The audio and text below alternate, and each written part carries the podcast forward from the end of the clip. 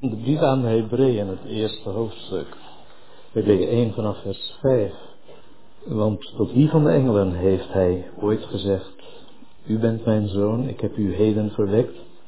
En opnieuw, ik zal hem tot vader zijn en hij zal mij tot zoon zijn.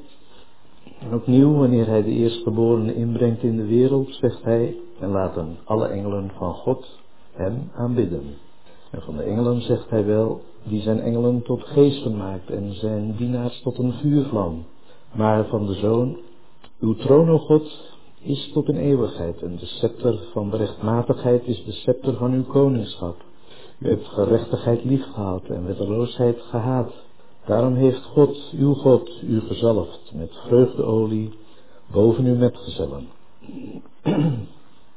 en uw Heer hebt in het begin de aarde gegrondvest en de hemelen zijn werken van uw handen. Zij zullen vergaan, maar u blijft. En zij zullen alle als een kleed verouderen. En als een mantel zult u ze samenrollen en als een kleed zullen zij veranderd worden. Maar u bent dezelfde en uw jaren zullen niet ophouden.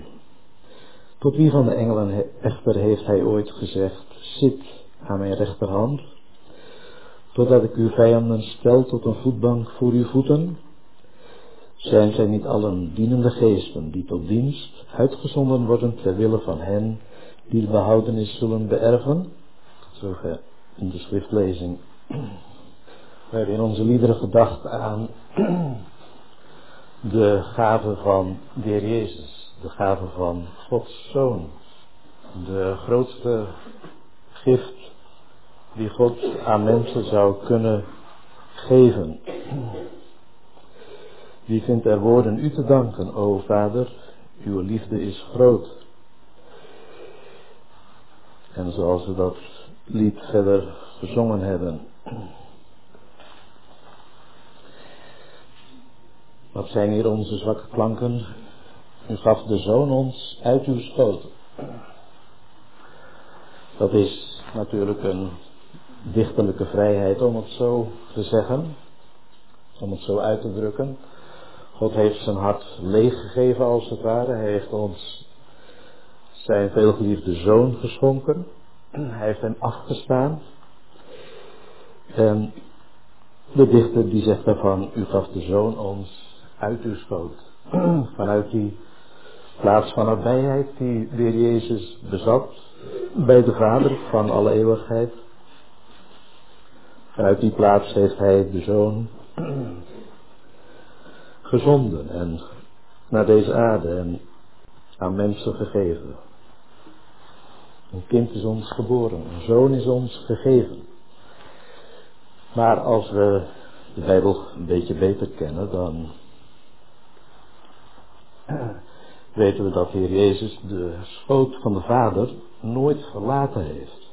Ook niet toen hij hier op aarde was. We kunnen dat heel duidelijk lezen in het Johannes-evangelie. Ik denk dat zelfs de kinderen dat vers wel weten. In Johannes 1. Dat niemand ooit God gezien heeft. Maar dat de enige geboren zoon die in de schoot van de vader is, hem verplaatst heeft. Er staat dus niet zoals in het lied, maar het is maar een dichterlijke vrijheid, dat de zoon de schoot van de vader verlaten heeft. Hij is, ook terwijl hij op aarde was, was hij degene die aan het vaderhart was. En die de gemeenschap met de vader kende en genoot.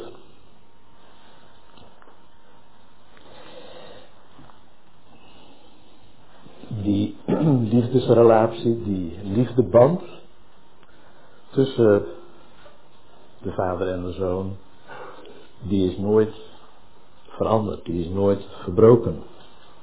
Ook niet door het feit dat de zoon door de vader gezonden werd naar deze aarde. De vader hem gaf.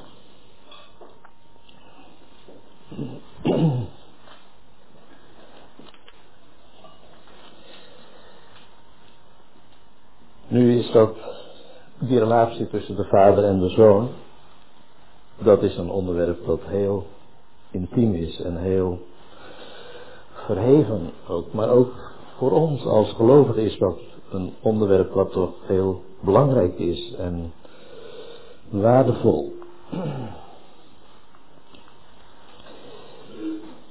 We vinden in dit gedeelte wat we gelezen hebben uit Hebreeën 1 eigenlijk de heerlijkheid van de Heer Jezus boven de engelen. De engelen die in het Jodendom een belangrijke plaats innamen. We weten dat de wet door de engelen gegeven is. er was in het Jodendom ook wel een zekere mate van engelenverering, wat niet bijbels was, denk ik.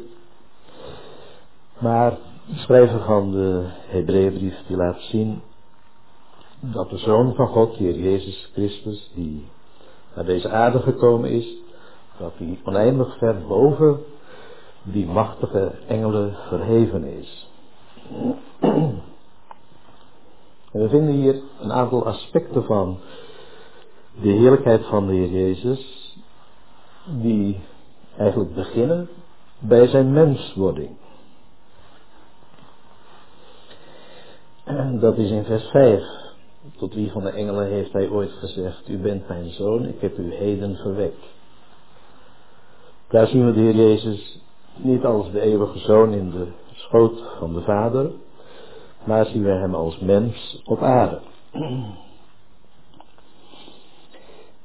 En vers 13 eindigt met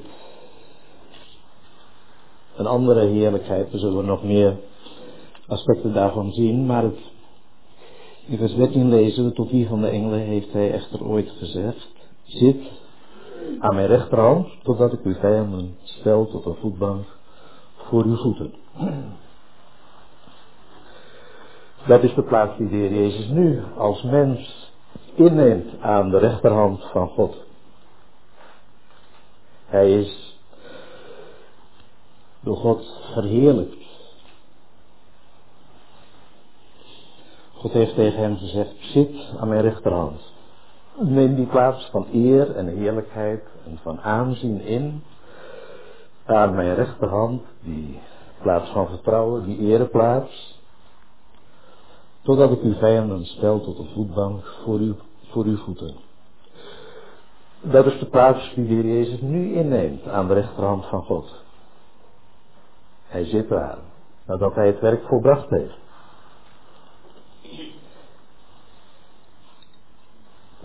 Hij is gezeten aan de rechterhand van God.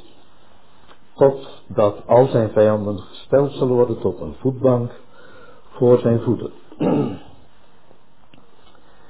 En hij kan komen om hier op aarde het heerlijke duizendjarige vrederijk op te richten. En de bedoeling van deze brief is eigenlijk om de, de blik van de gelovigen te richten op de Heer die daarboven gezeten is aan de rechterhand van God. Dat begint eigenlijk al in hoofdstuk 1 vers 3, waar we lezen dat hij is gaan zitten aan de rechterhand van de majesteit in de hoge. En zo zijn er een groot aantal plaatsen in deze brief die daarover spreken.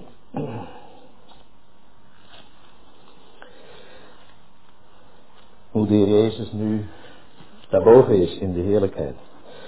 Ook hoofdstuk 8 vers 1. Daar vinden we eigenlijk een, je zou kunnen zeggen een samenvatting van de brief. Een kernomschrijving van de inhoud.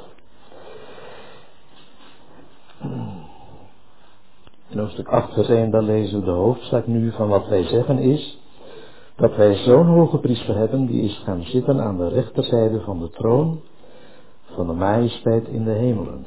Een bedienaar van het heiligdom, van de ware tabernakel die de Heer heeft opgericht, niet een mens. Christus is daarboven niet alleen gekroond met eer en heerlijkheid, maar hij is ook actief voor ons als onze hoge priester. In de hemel. Hij verricht een dienst voor ons als onze hoge priester in het hemelse heiligdom.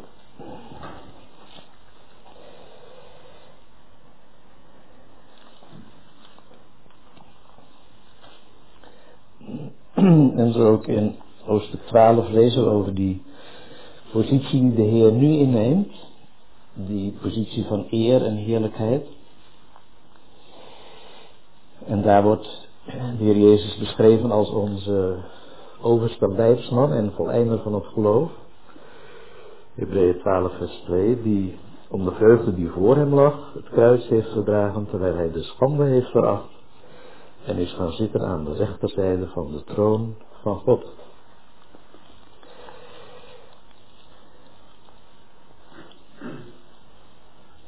Daar zien hem als degene die hier op aarde zijn loopbaan volbracht heeft. En die eigenlijk voorop gegaan is in de wedloop, in de aardse strijd. Hij die voor ons de overste leidsman is en de voleinde van het geloof. En wij mogen hem volgen en in het geloof hem nawandelen als het ware. En hij heeft nu al het doel bereikt. Hij heeft de prijs verkregen. Hij is gaan zitten aan de rechterzijde van de troon van God. Maar hij wil ook ons als de zijnen, als degene die hem toebehoren, leiden op die weg van het geloof hier beneden.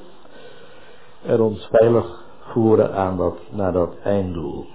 Die heerlijkheid bij hem.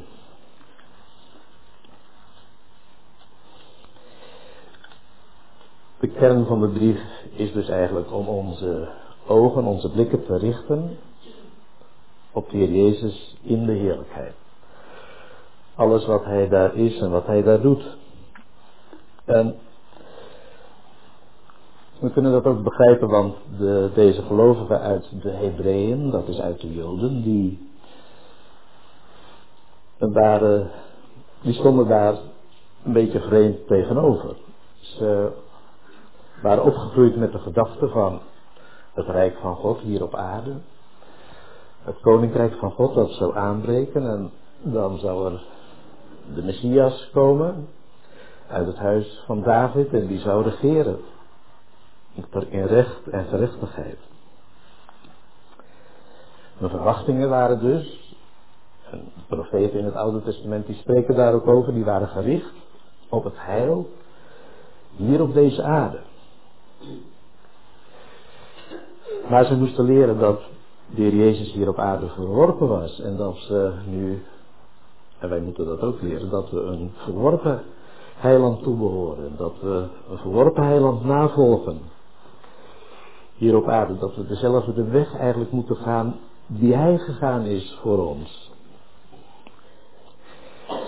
Maar dat het einddoel van die weg, dat dat ligt in de hemel. In de hemelse heerlijkheid. En dat het christendom dus eigenlijk in die zin ver uitgaat boven het jodendom.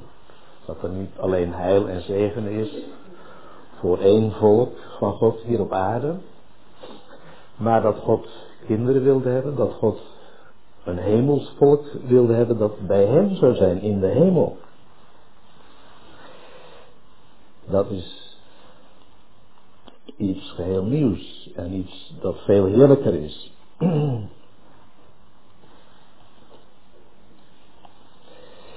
Daarom lezen we in deze brief ook voor de, over de hemelse hoop die we hebben. En dat we een hemelse roeping bezitten. En Paulus spreekt daarover in de Filipijnse brief en dan zegt hij, het is een roeping van God naar boven toe. Dat is de, en wij zijn deelgenoten van die hemelse roeping.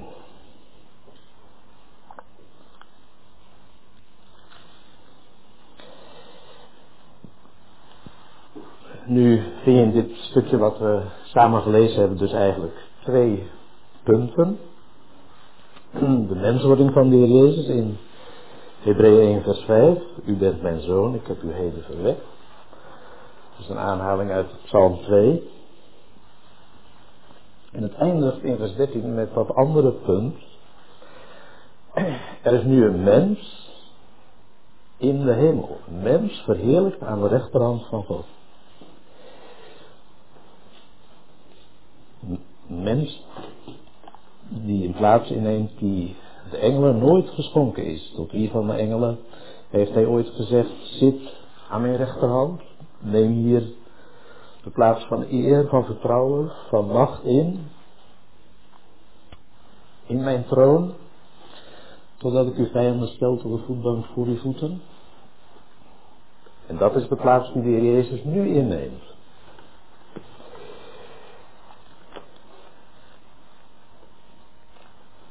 We hebben in lied 164 gezongen over die arme zondaar. De God die in zijn vaderarmen de zondaar aan zijn hart verheft, die hem van schuld en straf bevrijdt en opneemt in zijn heerlijkheid. En dat is inderdaad wat het raadsbesluit van God was om mensen aan zijn hart te brengen. Om mensen tot heerlijkheid te leiden, zoals het ook staat in deze brief. Vele zonen tot heerlijkheid zou leiden. En de plaats die de Jezus nu inneemt, daar in de hemel, dat is eigenlijk, daarin zien we wat onze plaats zal zijn.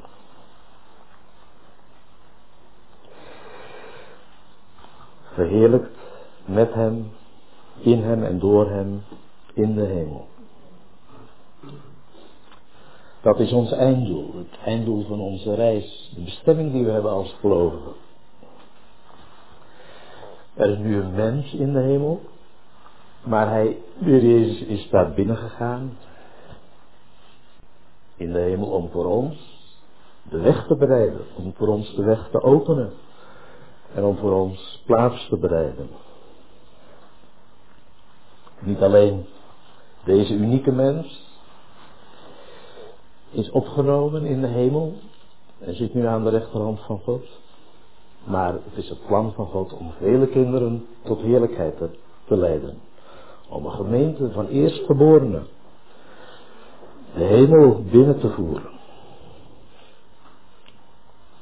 En te verbinden met de Heer Jezus.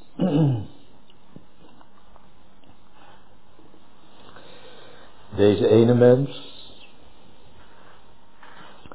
dat was degene van wie God kon zeggen, u bent mijn zoon, ik heb u heden verwekt. En dan zien we de Jezus als mens hier op aarde geboren. Kind in de kribbe. De vader die erkent hem ook in zijn mensheid als zijn eigen zoon. Gij zijt mijn zoon.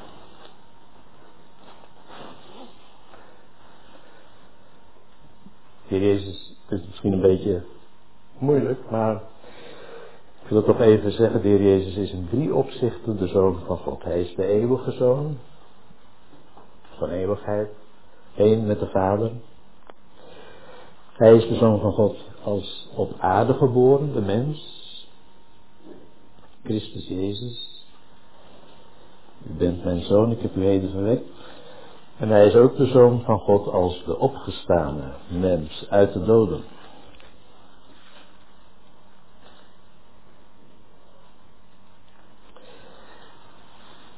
We lezen dat in Romeinen 1, vers 4. De Jezus is verklaard als Gods zoon in kracht. Naar de geest der heiligheid door dodenopstanding. Het is duidelijk gemaakt, het is verklaard, het is gemanifesteerd dat hij Gods zoon is in kracht. De zoon van God in kracht, doordat hij met macht de dood heeft overwonnen en uit de dood is opgestaan. Dus ook in dat derde opzicht is Heer Jezus de zoon van God. Maar het mooie voor ons is van dat zoonschap van de Heer Jezus, dat het ook een model is voor ons, een voorbeeld. En dat is eigenlijk wonderlijk om erover na te denken, dat wij geliefde kinderen van God zijn en dat God ook tegen ons zegt, je bent mijn zoon of je bent mijn dochter. Je bent uit mij geboren. Ik ben de vader die je het leven, het nieuwe leven in de Heer Jezus geschonken heeft. Is dat niet een wonder van genade dat we kinderen van God mogen zijn, dat we de Vader mogen kennen? Zonen en dochters van Hem en zoonschap spreekt vooral van positie, van vertrouwen dat de Vader in ons heeft, van volwassenheid ook, van verantwoordelijkheid.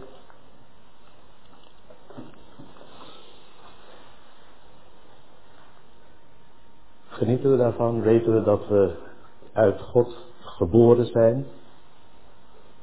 Dat we het nieuwe leven ontvangen hebben? Dat we kinderen van God zijn? Ik heb u heden verwekt. Er zijn bepaalde kringen van gelovigen waar het heel belangrijk is om de dag te weten dat je opnieuw geboren bent. Ik zeg niet dat we dat moeten gaan invoeren of dat we dat moeten nadoen. Maar het is natuurlijk toch wel belangrijk om te weten wanneer dat wonder van de wedergeboorte in ons leven heeft plaatsgehad. Ook al weet je het maar ongeveer.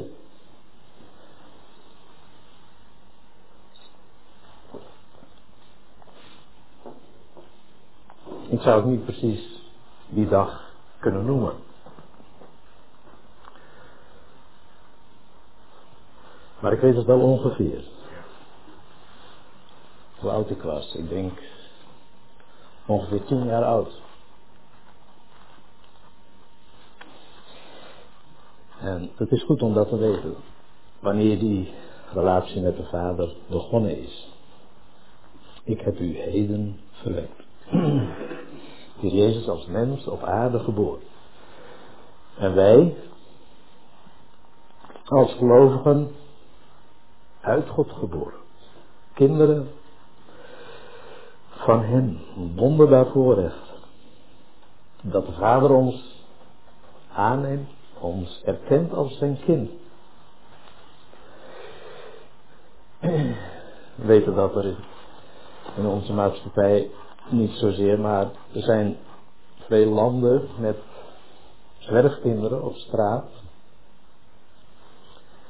waarvoor af en toe dan wel eens wat gedaan wordt. Kinderen die worden dan opgevangen, maar niemand weet eigenlijk. Ze hebben geen ouders, wie de vader of de moeder is. Het komt voor. Kinderen zelfs in hele groepen op straat leven. En proberen aan de kost te komen. Kinderen zonder vader en moeder. Dat is erg. Maar wij mogen weten dat we een hemelse vader hebben. De vader kent ons. De vader heeft ons lief. De vader erkent ons als de zijne, als zijn geliefde kinderen. Hij kent ons namen. Hij weet waar we wonen, waar we zijn, wat we doen. De vader wil contact met ons hebben, een relatie met ons opbouwen. En dat zien we in het tweede gedeelte van vers 5. Ik zal hem tot vader zijn en hij zal mij tot zoon zijn.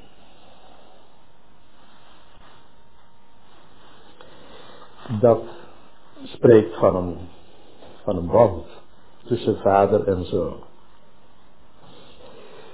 En die band die was er natuurlijk in het leven van de Heer Jezus hier op aarde. De vader zag zijn zoon toen hij hier op aarde wandelde, toen hij hier rondging. Goeddoende. En de mensen zegenende.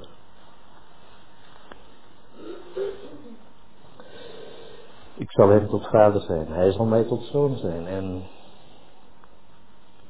die relatie tussen de vader en de zoon, de zoon die Jezus hier op aarde, die was volmaakt. De Heer Jezus deed altijd wat de Vader wel behagelijk was. Hij was nooit ongehoorzaam. De vader kan altijd met welgevallen op hem neerzien. En verschillende malen zien we dat in het Nieuwe Testament, dat de hemel, om zo te zeggen, openbreekt. Boven de zoon. Als mens hier op aarde. En dat de Vader vanuit de hemel getuigt van het welgevallen dat hij gevonden heeft in de Jezus. Deze is mijn zoon. In wie ik mijn welbehagen gevonden heb. Hoort hem.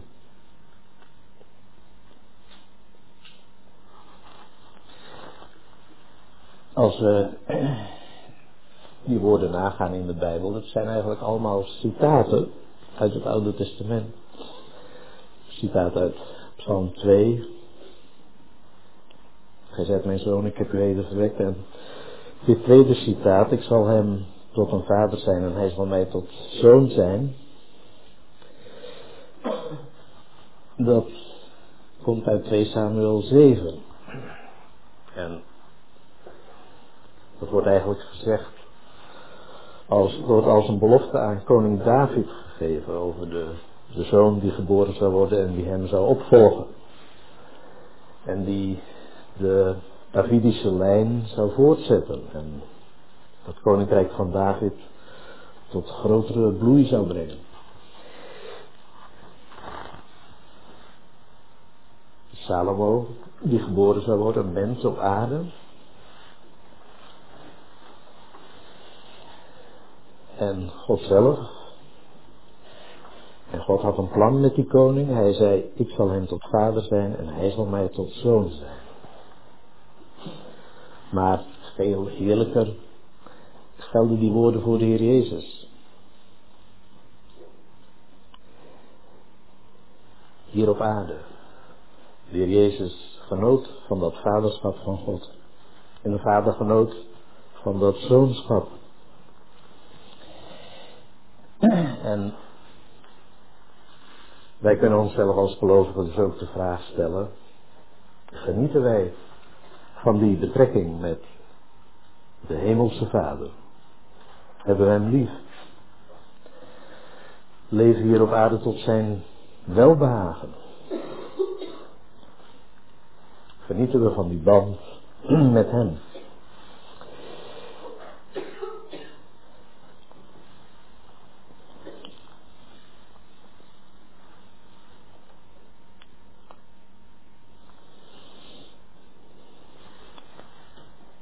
Natuurlijk, de Heer Jezus, de Zoon van God zelf, is uniek.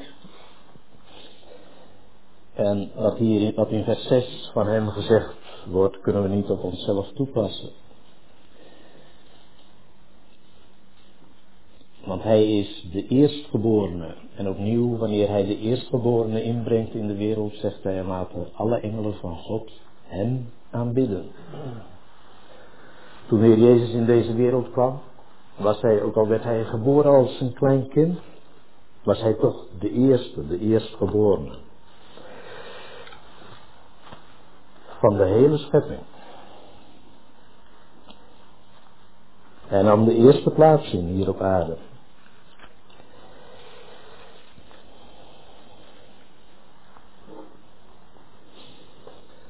En Paulus zegt hij is het beeld van de onzichtbare God, de eerstgeborene van de hele schepping, want in hem zijn alle dingen geschapen in de hemelen en op de aarde, de zichtbare en de onzichtbare. Het zij tronen, het zij heerschappijen, het zij overheden, het zijn machten, alle dingen zijn door hem en tot hem geschapen.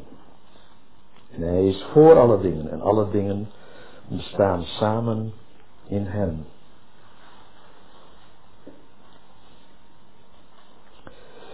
Christus is het beeld van onzichtbare God, de eerstgeborene van de hele schepping.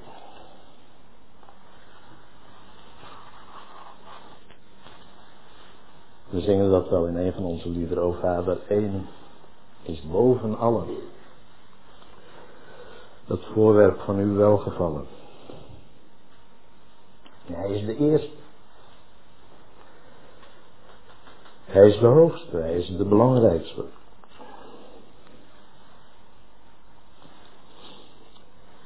Bij dit woord eerstgeboren, dan moet je dus niet zozeer aan het feit van een geboorte denken, maar het is eigenlijk een titel. Hij is degene die de eerste plaats inneemt. Hij is de zoon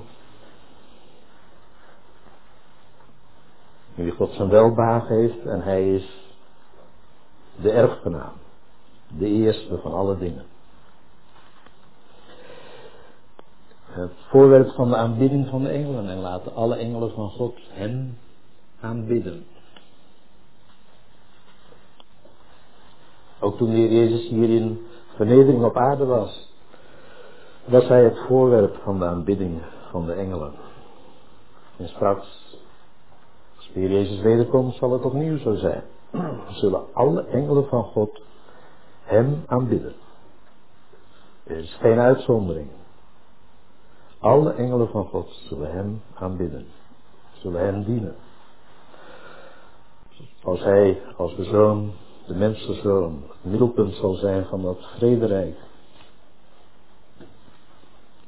Als alle engelen van God hem aanbidden, hoe is dat dan met ons? Als gelovigen hebben wij niet nog veel meer reden om weer Jezus lief te hebben, om hem te aanbidden? Hebben wij aansporing nodig om hem te eren? Van de engelen zegt hij wel, die zijn engelen tot geesten of winden maakt en zijn dienaars tot een vuurvlam, maar van de zoon uw troon, o God, is tot in alle eeuwigheid. En de scepter van de rechtmatigheid is de scepter van uw koningschap. We hebben een aanhaling uit Psalm 45 en ik zou u de raad geven om die schriftgedeelte zelf eens te onderzoeken. En na te gaan wat de bedoeling daarvan is. Eigenlijk krijgen we in Psalm 45 al een, een voorproef, een, een kijkje in het komende vrederijk. Als de troon van de Heer Jezus hier op aarde zal worden opgericht. Een troon die nooit zal wankelen, zoals de rijken van deze wereld wankelen, verdwijnen en worden opgevolgd door andere koninkrijken. Uw troon, o God, is tot in alle eeuwigheid. De scepter van de rechtmatigheid is de scepter van uw koningschap. Maar waarom is de Jezus het waard om straks die ereplaats te krijgen op aarde en nu al die ereplaats in de hemel in te nemen? Dan vinden we weer iets over zijn leven op aarde. In vers 9. Dus weer een aspect eigenlijk van zijn zoonschap.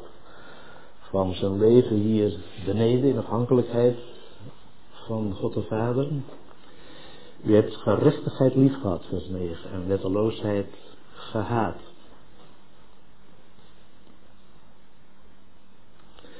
Daarom heeft God uw God u gezellig met vreugdeolie, boven u met gezellen.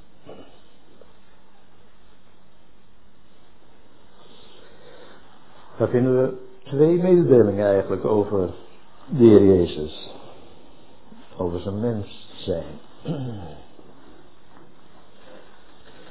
Hij heeft gerechtigheid lief gehad en wetteloosheid gehaat.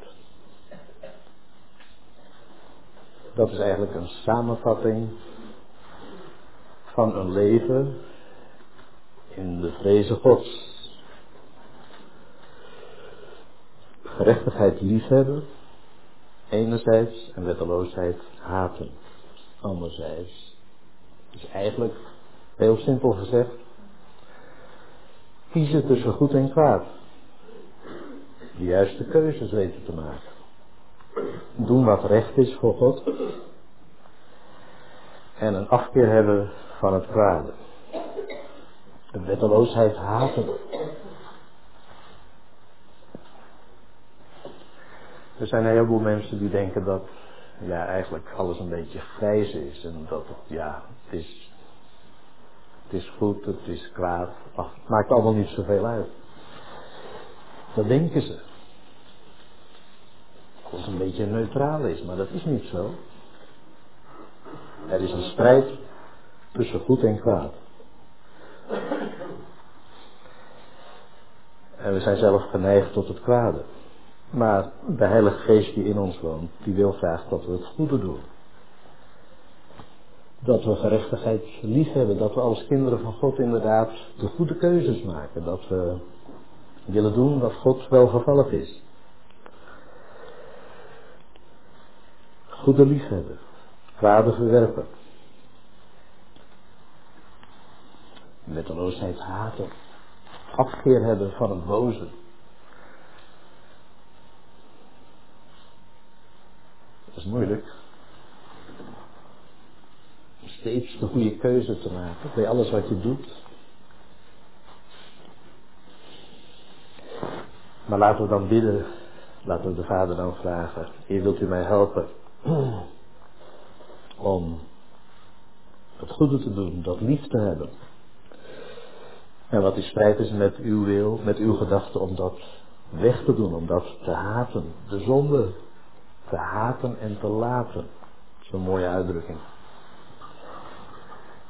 De zonde haten en laten, nalaten. Maar daar hebben we beslistheid nodig. Moeten we de goede keuzes maken. En Heer Jezus, die volkomen rein was, die niet kon zondigen,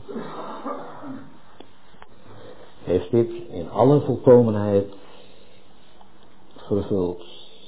Die leefregel heeft hij gehanteerd.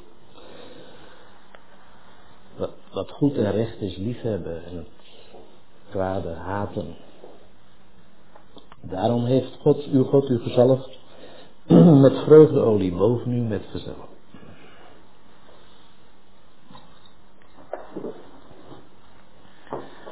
Dan zien we eigenlijk nog iets van de mensheid van de Heer Jezus en van zijn zalving als mens hier op aarde. De Heer Jezus is ook als mens gezalfd met de Heilige Geest.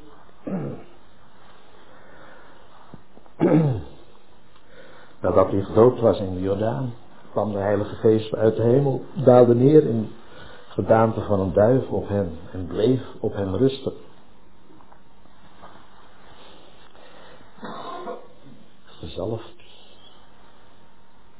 Als gelovigen zijn we ook gezalfd. Gezalfd met de Heilige Geest.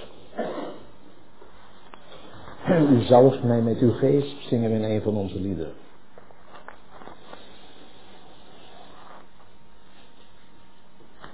En hier is dus weer het leven van de Heer Jezus als mens op aarde een voorbeeld voor ons.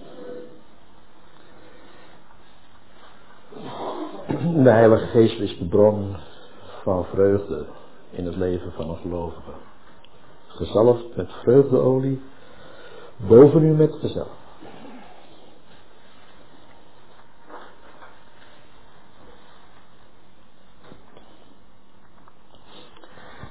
En dat was niet alleen tijdens het leven van de Heer Jezus op aarde zo. Dat hij gezalfd was met de geest en met vreugdeolie en de eerste plaats innam. Te midden van zijn discipelen. Maar dat is nog steeds zo. De Heer Jezus is ook, kunnen we lezen in Romein 8, de eerstgeborene te midden van vele broeders. Nu hij als de Zoon van God in kracht verrezen is uit de dood, is daar een heel gezelschap van broeders, van kinderen van God, waarvan ieder midden hij de eerste is, de eerste plaats in heeft. Eerstgeborene te midden van vele broeders. De Jezus is ook nu al gezalfd met vreugdeolie, boven u met gezellig. Maar wij mogen hem als het ware als we zijnen omringen. Hem liefhebben, hem dienen. En genieten van zijn gezelschap. Hij is de eerste, maar wij staan in een kring als het ware om hem heen. En wij genieten ook van die vreugde die zijn deel is en van die zalving die hij ontvangen heeft. En we weten dat de Heer Jezus nu onze hemelse hoge priester is. Dat is een van de aspecten van die zalving.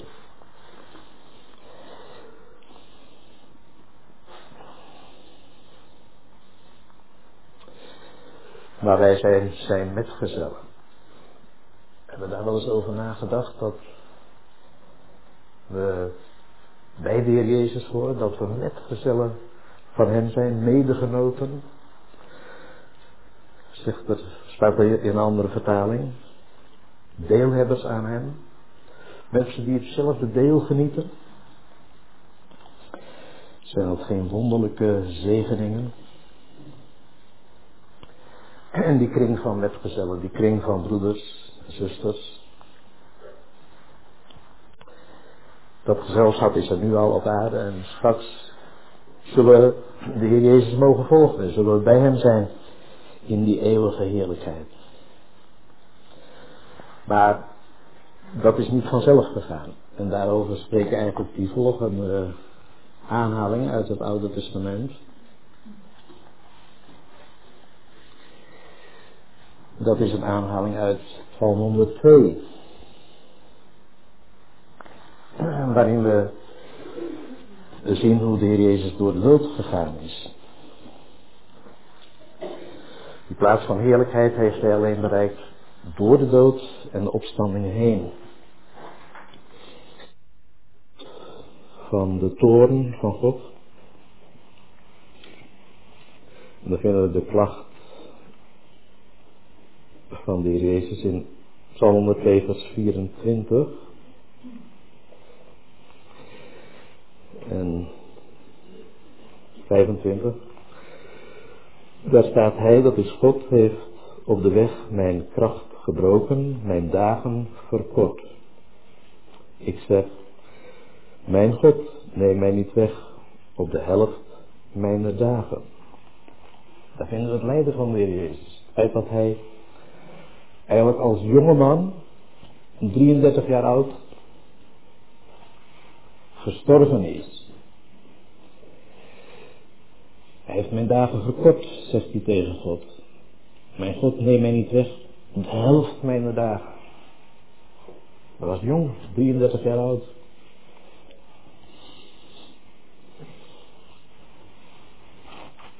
En dan vinden we het antwoord van God. Nadat hij Jezus het kruiswerk heeft volbracht. Nadat hij gestorven is. En dan wordt hij door God erkend. Als de eeuwige zelf. Als de schepper. En als degene die dezelfde is. Met de hoofdletter D. En zo vinden we de Heer ook in de Hebreeënbrief. Eeuwig dezelfde. Jezus Christus. Dezelfde. Met een hoofdletter. Gisteren, heden en tot in eeuwigheid. Gij blijft dezelfde. En uw jaren zijn van geslacht tot geslacht. En dat, heet, dat is een vrij lang citaat uit Psalm 102. Dat vinden we dus in Hebreeën 1 vers 10 tot 12. U Heer hebt in het begin de aarde gegrondvest. Diezelfde heiland die de dood inging. Het is dezelfde die de schepper is van alle dingen.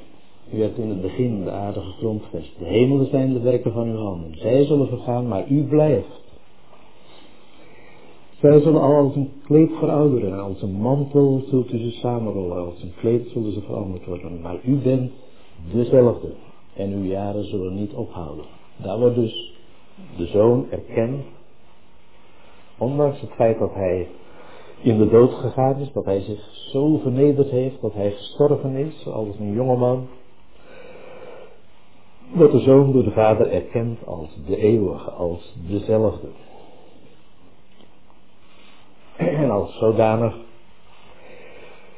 heeft de Jezus die plaats van eer en heerlijkheid aan de rechterhand van God ingenomen.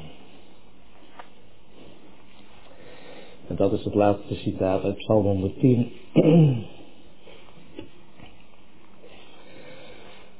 Tot wie van de engelen heeft hij echter ooit gezegd, zit aan mijn rechterhand, totdat ik uw vijanden stel, tot een voetbank voor uw voeten? Psalm 110, vers 1.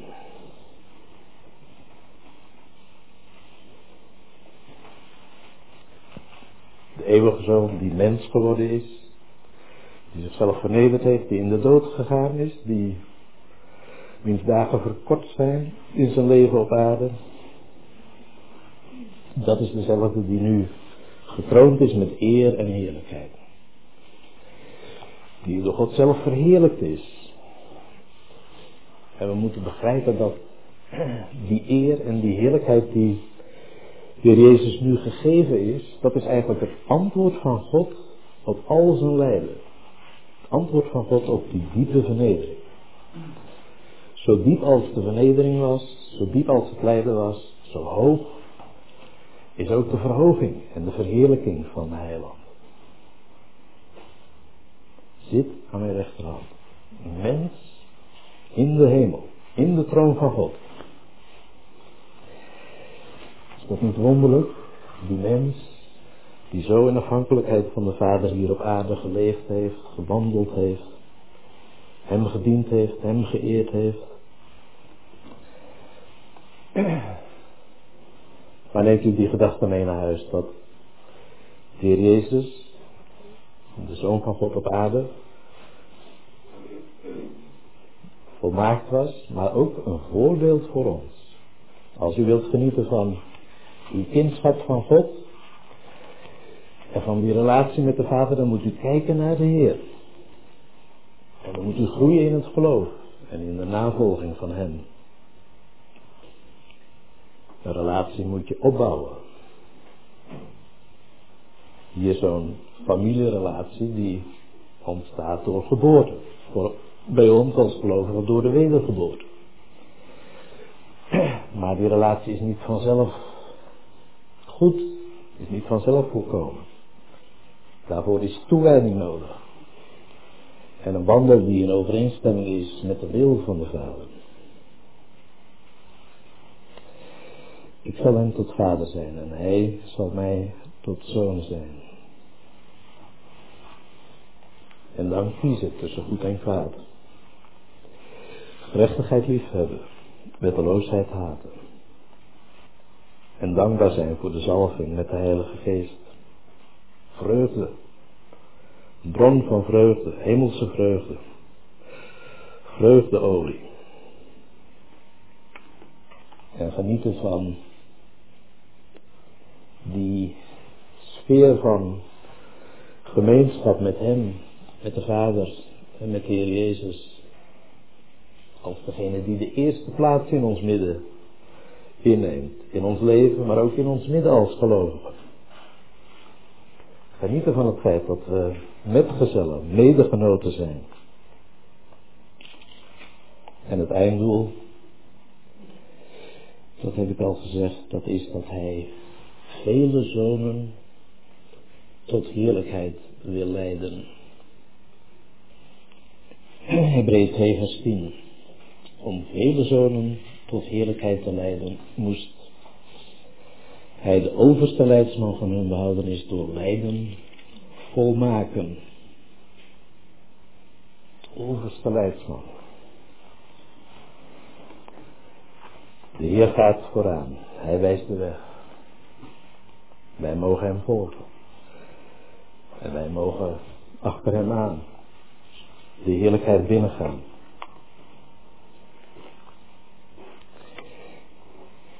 Heer Jezus is onze voorloper.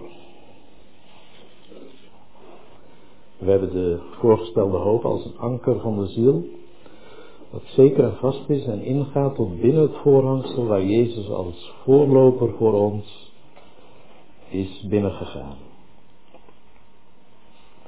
Willen hem volgen als de overste leidsman en de volleinder van het geloof? Willen de weg gaan die hij ons wijst? Volgen wij de voorloper? En dat mag u nu al doen. Die voorloper volgen in het heiligdom. Dat is wonderlijk.